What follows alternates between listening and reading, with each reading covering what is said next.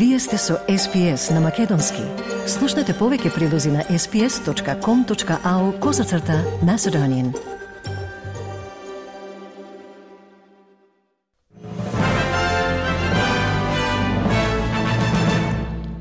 Македонија денес одбележува 31 година од осамостојувањето. По тој повод свечен прием по повод 8 септември денот на независноста се одржа во собранието на Република Македонија.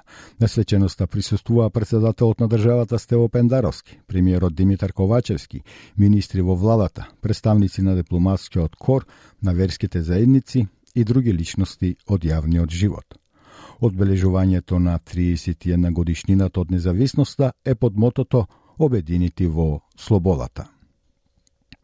Вчера и официјално македонската опозицијска партија ВМРО ДПМН е започна постапката за иницијативата за собирање подписи за распишување референдум и ја достави до Државната изборна комисија. Председателот на партијата Христијан Мицкоски ја поднесе иницијативата за да се организира собирање на 100 подписи со кои што ќе биде доставена до собранието. Господин Мицкоски рече дека самиот тој прв ќе се подпише. Ја поднесовме граѓанската иницијатива со референдумското прашање дали сте за престанок на важењето на законот за ратификација на договорот за пријателство, добрососедство и соработка. Нормално, доколку референдумот се случи, тогаш граѓаните ќе имаат можност да се изјаснат со за, подразбира дека на тој начин престанува да важи овој договор со Република Бугарија или против, односно останува да важи овој договор со Република Бугарија. Истовремено, лидерот на опозицијата Мицковски предложи на ист трошок, заедно со датумот за референдум, да се одржат и вонредни парламентарни избори. Човекот осомничен дека избудил до смрт 10 луѓе во домородна заедница во Канада е фатен од полицијата. Канадската полиција соопшти дека го привела Майлс Сандерсон откако го пронашла во Ростерн, град во Саскачеван. 30 годишникот е уапсен на четвртиот ден од интензивната потера, откако властите соопштија дека тој и неговиот постар брат се одговорни за прободувањето со нож во текот на викендот во Джеймс Смит Кри Нейшн. Неговиот брат Демиен беше пронајден мртов во понеделникот. Австралиската влада ги потврди извештаите дека го укинува грантот од повеќе милиони долари даден на добротворна организација поврзана со генералниот говернер на Австралија. 18 милиони долари беа доделени на фондацијата за идни лидери на Австралија од страна на поранешниот премиер Скот Морисон за програма што се уште не беше создадена, но беше застапена од генералниот гувернер Дейвид Харли. Но благајникот Джим Чалмерс им рече на новинарите во Камбера дека грантот, цитирам, не поминал. And we can't see that it delivers value for money. And so that grant won't be proceeding. It won't be proceeding with the $18 million in funding or the ongoing funding after that. Uh, our responsibility is to go through the budget line by line to make sure that there's genuine value for money, and we couldn't see value for money here. А во меѓувреме, владата ја критикуваше опозицијата за обидот да го одложи гласањето за низиниот предлог закон за климата по неколку дневни дебати и маратонска сесија во текот на ноќта за амандманите. Сенатот моментално гласа за амандманите на нацрт законот, при што легислативата најверојатно ќе помине денес попладне. Сенаторот Саймон Бирминген му рече на парламентот дека владата се обидува да ја скрати дебатата и дека коалицијата е срекне што останува во салата онолку долгу долго колку што е потребно за да се расправа за прашањата. Но лидерот на владата во Сенатот, Пени Вонг, вели дека коалицијата само се обидува да ги одолговлекува работите поради нивното континуирано идеолошко противење на постоењето на климатските промени. So don't come in here and pretend that you are somehow uh, safeguarding democratic principles. You're not. You're safeguarding your outdated, conservative position, which, which the Australian people have left behind. That's what you're safeguarding. You're safeguarding your internal unity because you don't have the spine. You don't have the spine to take on to take on the people in your party room. And no matter how long we are here, you will not change your vote. Зелените се залагаат за посилни цели до 2035 година и за крај на сите нови рудници за јаглен и газ, но потврдија дека ќе гласаат со лабористите доколку нивните аманмани не поминат. Независниот сенатор на австралиската капитална територија Девид Покок исто така поднесе амандмани за зголемување на транспарентноста и одговорноста за целта за намалување на емисиите од 43%. Шефот на Австралиската централна банка денес ке одржи говор кој може да понуди индиции за тоа колку брзо и колку високо ќе растат каматните стапки. Гувернерот на Резервната банка Филип Лоу треба да зборува за економијата и улогата на монетарната политика по одлуката на банката да ја зголеми каматната стапка на готовина оваа недела во обид да ја скроти зголемената инфлација. Доктор Лоу и предходно рече дека стапките ќе се зголемат повторно во наредните месеци, но дека банката не е на, цитат, однапред зацртан план. Сојузната влада ги откри плановите за формирање агенција која ќе ги координира плановите за брза железница во Австралија. Министерката за инфраструктура Кетрин Кинг рече во парламентот дека одборот составен од експерти од железничкиот и инфраструктурниот сектор ќе обезбеди независни совети на владите за планирање и испорака, со нивна прва задача да планираат брза врска од Ньюкасл до Сиднеј во Нов Јужен Велс. Господја Кинг вели дека овој вид инфраструктура е очајно потребна во Австралија со цел да се стимулира регионалниот економски развој.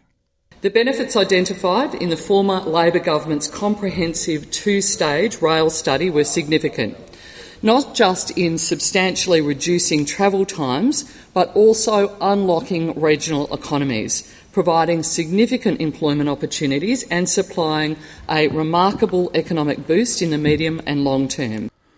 На следбениците на фудбалот им се препорачува да се вакцинираат со засилувач против COVID-19 пред финалето овој месец.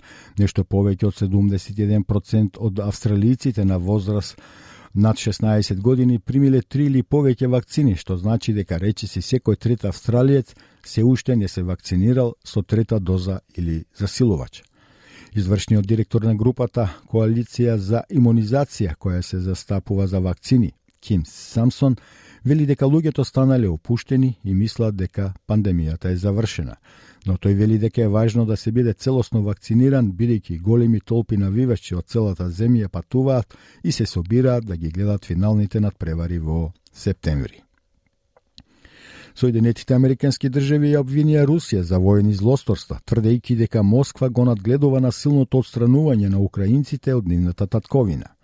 Украинските власти веќе тврдат дека руските власти насилно депортираат цивили, вклучително и деца од окупираните области, како што е регионот Донбас на исток и градот Мариопол на југ во Русија или на територијата што ја контролира Русија во Украина. Американската амбасадорка Линда Томас Гринфилд на специјалната средба на Советот за безбедност на Обединетите нации во Њујорк изјави дека САД сега има информации дека Русија ги координира отстранувањето, обезбедувајќи списоци на луѓе кои треба да бидат принудени да одат во областите под руска контрола. Estimates from a variety of sources, including the Russian government, indicate that Russian authorities have interrogated, detained, forcibly deported between 900,000 and 1.6 million Ukrainian citizens from their homes to Russia, often to isolated regions in the Far East. Рускиот председател Владимир Путин се закани дека целосно ќе го намали снабдувањето со енергија на Западот, доколку тој се обиде да ги ограничи цените на рускиот извоз. Европската Унија предложи ограничување на цената на рускиот газ, делумно за намалување на приходите на Русија кои се користат за финансирање на незината инвазија на Украина. Но Владимир Путин вели дека тоа би била глупава одлука и дека ќе се врати како бумеранг. И додава дека ако со политички одлуки се прекршат постоечките договори за снабдување, во тој случај Русија во целоски ги прекине испораките на газ, нафта, дизел и јаглен. бумерангом все вернется назад. Так же, как вы спрашивали по поводу Everything will come back like a boomerang. Just as you asked about limiting prices for our energy carriers, someone is making some decisions there. If they try to implement that dumb decision, it will entail nothing good for those who will make it. Among other things, there are contractual obligations, supply contracts. Will they make political decisions violating the contracts? We won't fulfil them at all. In that case, we will just halt supplies if it contradicts our economic interests. We won't supply any gas, oil, diesel, or coal. We won't supply anything. 18 годишен маж ке се соочи со суд поради автомобилската несреќа што ги однесе животите на пет тинејџери од истото средно училиште во југозападен Сидни. Нему ќе му се суди за пет точки од обвинението за опасно возење кое предизвика смрт во несреќата со едно возило во вторникот вечерта и пет лица се повредени во експлозија во ресторан во Дарвин. Полицијата соопшти дека службите за итни случаи биле повикани на местото на настанот во централната деловна област во градот досна синоќа поради извештаите за експлозија и пожар. Полицијата соопшти дека ги истражува причините за експлозијата. Властите во северната територија за WorkSafe исто така започнаа своји истраги.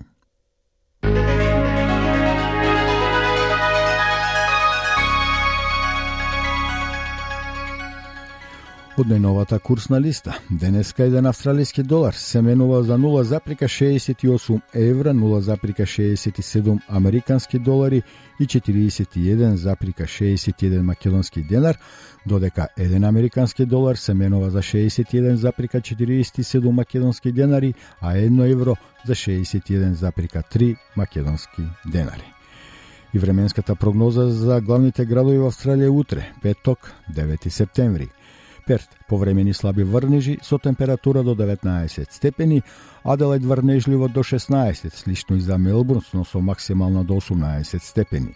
Во Хобарт врнежливо со до 19 степени, Камбера максимална температура ќе достигне до 17 степен, Во Сиднеј врнежливо до 22, идентични за Бризбен, врнежливо до 22 степени, Дарвин сончево со температура до 32 степени и во Алекспринг сончево со температура до 25 степени.